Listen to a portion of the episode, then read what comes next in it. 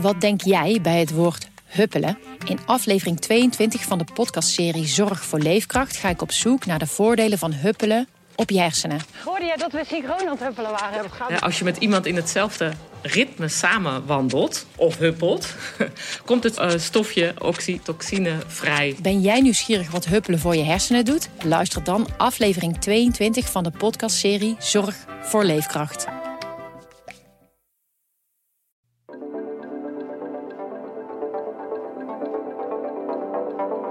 Ze zei daar achteraan dat ze een zware tijd tegemoet zou gaan. Uh, omdat ze de gevangenis in zou moeten. Want ze had iemand vermoord. De rechtbank vindt dit zeer gruwelijk, respectloos en mensonterend. Vanaf de redactie in Vlissingen is dit de PZC deze week. Mijn naam is Noortje de Kroo. De rechtbank heeft Sandra H. veroordeeld tot 18 jaar cel voor de moord op de 29-jarige Ischelle van de Velde uit Oostburg. Eldridge Penturi heeft de zaak vanaf het begin gevolgd en was aanwezig bij het uitspreken van het vonnis. Wat is er zo opvallend aan deze uitspraak? En is dit het einde van de zaak Ischelle? Ja, er was 18 eh, jaar cel geëist tegen Sandra H. voor de moord en het eh, wegmaken van het lichaam van Ischelle van de Velde. En het is uiteindelijk 18 jaar geworden. De rechter heeft 18 jaar cel opgelegd.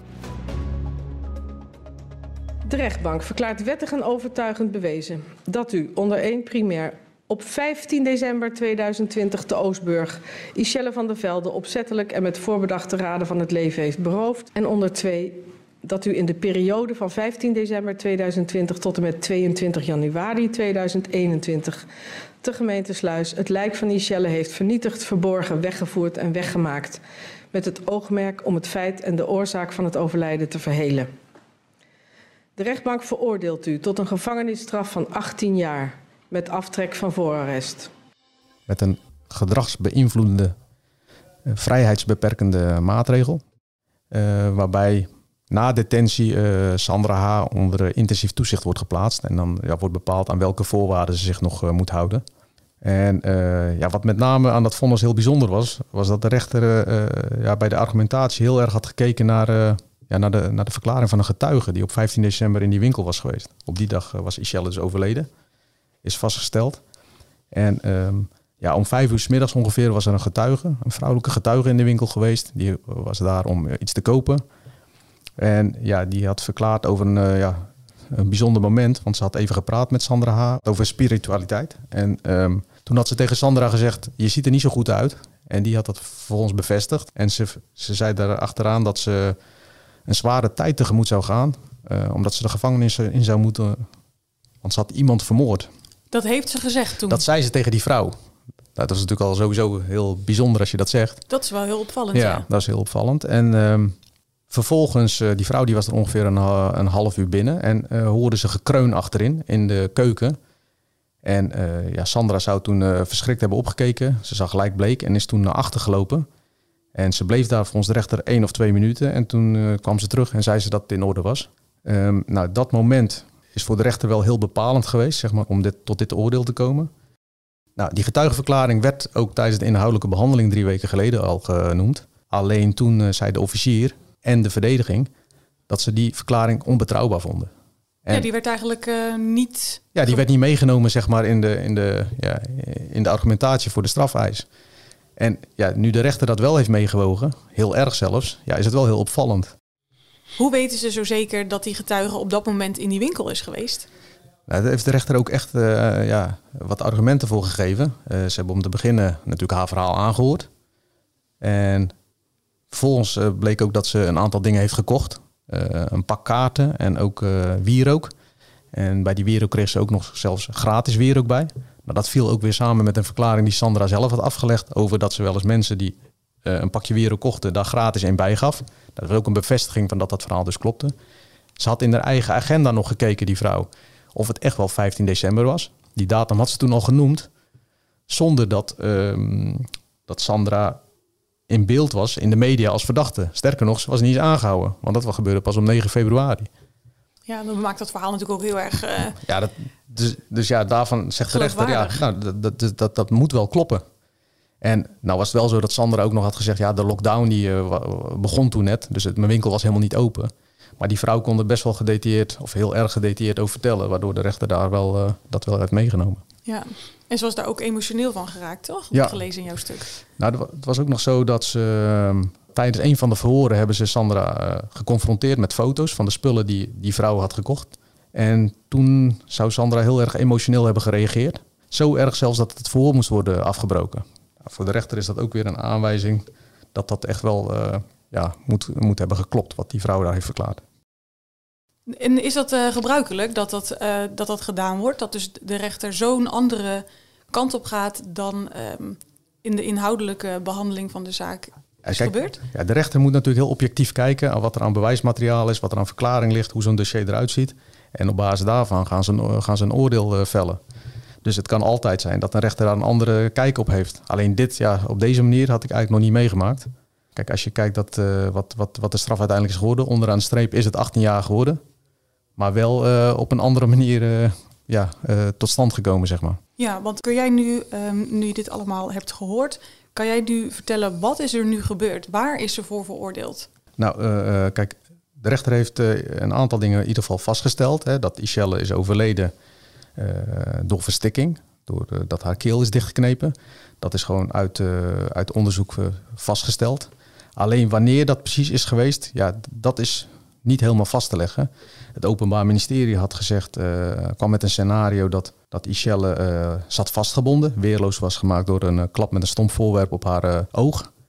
En dat, ze toen, dat er toen ook zeg maar, is gefilmd toen ze haar, haar telefoon ontgrendelde bijvoorbeeld. En dat toen, toen ze dus vastgebonden zat op een stoel, dat, ze toen, dat toen haar keel is dichtgeknepen.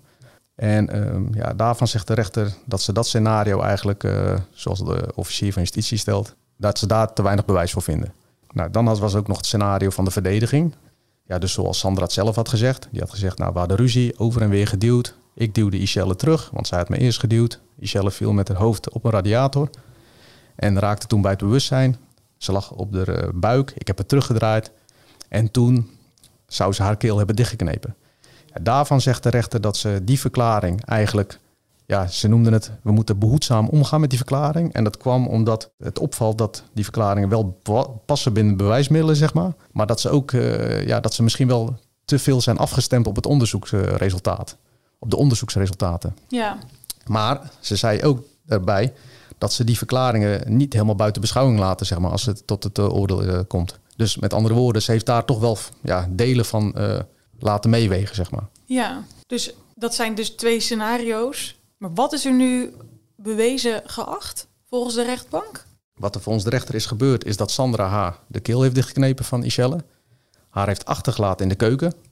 En toen in de veronderstelling was dat ze was overleden. Dus dat was de eerste keer dat ze haar keel had dichtgeknepen. Vervolgens kwam het moment met die vrouw, die vrouwelijke getuige die de winkel in kwam. Toen is ze weer teruggegaan naar die keuken. En toen heeft ze alsnog haar keel dichtgeknepen. Dus feitelijk dus zou ze twee keer zou ze haar keel hebben dichtgeknepen. En daarvan zegt de, de, rechtbank, dan heeft ze dus kunnen nadenken over de gevolgen, zeg maar. En dan kun je niet meer spreken van een gemoedsopwelling. En dan is op basis daarvan overleden. En daarom vindt de rechtbank dan dat de moord met voorbedachte raden is bewezen. Ja, want ze had eigenlijk in die tussentijd nog kunnen nadenken. Ja. In de tijd dat de getuige in haar winkel was. Ja, nou goed, op het moment dat je natuurlijk als tweede keer, de tweede keer terug gaat, heb je na, na de eerste keer kun je al zeg maar. De eerste keer kan je nog spreken, ik heb het in een gemoedsopwelling gedaan, wat ze ook heeft gezegd. Maar volgens de rechter kan je dat niet in de tweede instantie ook nog eens zeggen. Nee, precies. U heeft zich schuldig gemaakt aan de moord op uw vriendin Ishelle door haar te wurgen. Hiermee heeft u Ishelle het meest fundamentele bezit, namelijk het recht om te leven, ontnomen. U heeft het lichaam van Ishelle gedurende vijf weken in uw winkel verborgen gehouden.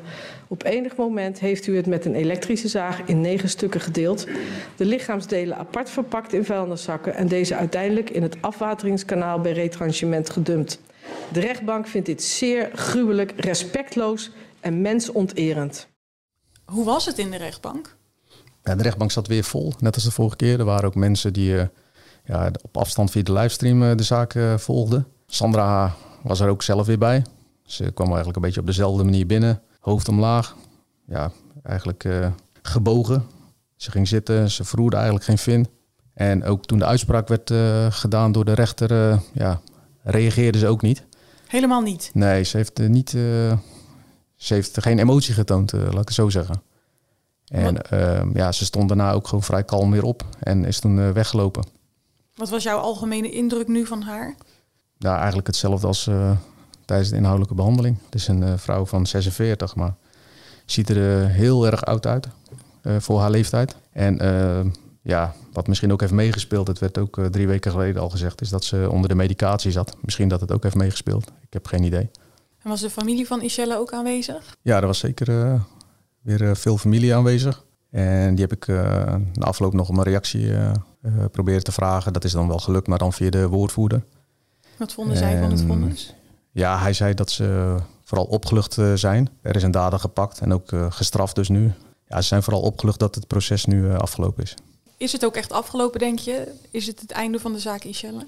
Nou, de verdediging, maar ook het Openbaar Ministerie kunnen natuurlijk altijd uh, in beroep gaan tegen, de, tegen het vonnis. Ik denk niet dat het Openbaar Ministerie dat gaat doen. Er is 18 jaar uitgekomen zoals ook was geëist, ook al op een, weliswaar op een andere manier. Maar ja, hoe dat met de verdediging zit, uh, die gaat natuurlijk altijd wel zoeken. Er is natuurlijk een forse straf uh, opgelegd, maar die gaat altijd wel kijken waar mogelijkheden zijn om ja, die straf te verminderen. Ja, en dit is een lange aanloop geweest naar dit moment. Hoe heb jij hier naartoe geleefd? Ja, goed. Ik was er in, uh, al sinds het begin uh, bij betrokken toen ze vermist was. Ja, veel over geschreven, ook uh, na de tussentijdse zittingen. Elke keer kwam wel iets naar buiten. En dan, ja, dan werk je natuurlijk wel naar zo'n punt toe dat, dat je op een gegeven moment zo'n inhoudelijke behandeling hebt. Die duurt twee dagen en dan de uitspraak. Ja, dat, ja, ik weet niet of toeleven het goede woord is, maar ja, je, je werkt wel ergens naartoe. Blijven we deze mevrouw nu Sandra H. noemen? Um, ja, bij, altijd bij verdachten zijn we altijd wel, uh, proberen we altijd wel de privacy natuurlijk te waarborgen voor uh, mensen. En uh, ja, dat zullen we nu ook doen. Kijk, of er moet een reden zijn dat we Sandra H. gewoon voluit noemen. Maar over het algemeen blijven verdachten ook gewoon met voornaam en de eerste letter achternaam noemen. Dus ook nu. Ja. En heb jij nog contact met de familie van, van Ishelle? Hou je daar contact mee?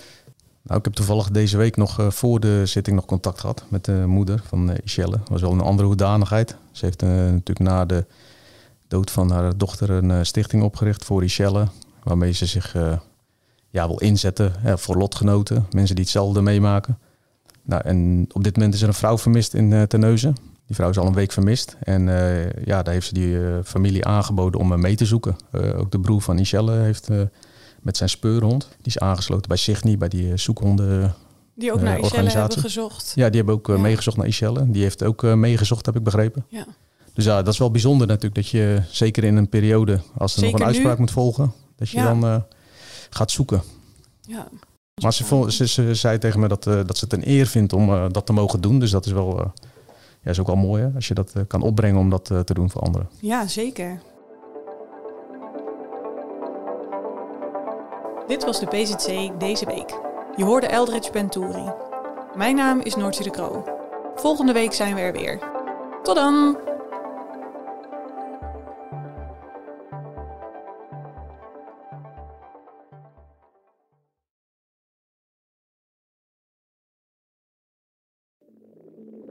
Ik denk dat je een soort van tweespalt had tussen de mensen die ons cool vonden en de mensen die het cool vonden om ons te haten. Maar ik kan me nog levendig de eerste vier tellen herinneren. Dat ik heel goed besefte zo van met deze tikken bepaal ik volgens mij wel een toekomst. Kijk, als we dingen heel anders hadden gedaan, dan was dit niet gebeurd. Als we ooit klaar zijn en ik moet uh, de, de, de vijf hoogtepunten van onze carrière noemen, is dit er één van.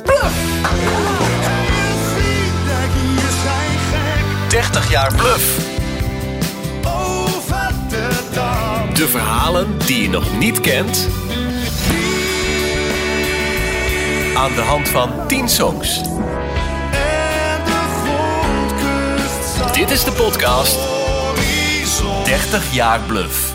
Waaraan we verdwijnen. Met Peter, Bas, Norman en Pascal.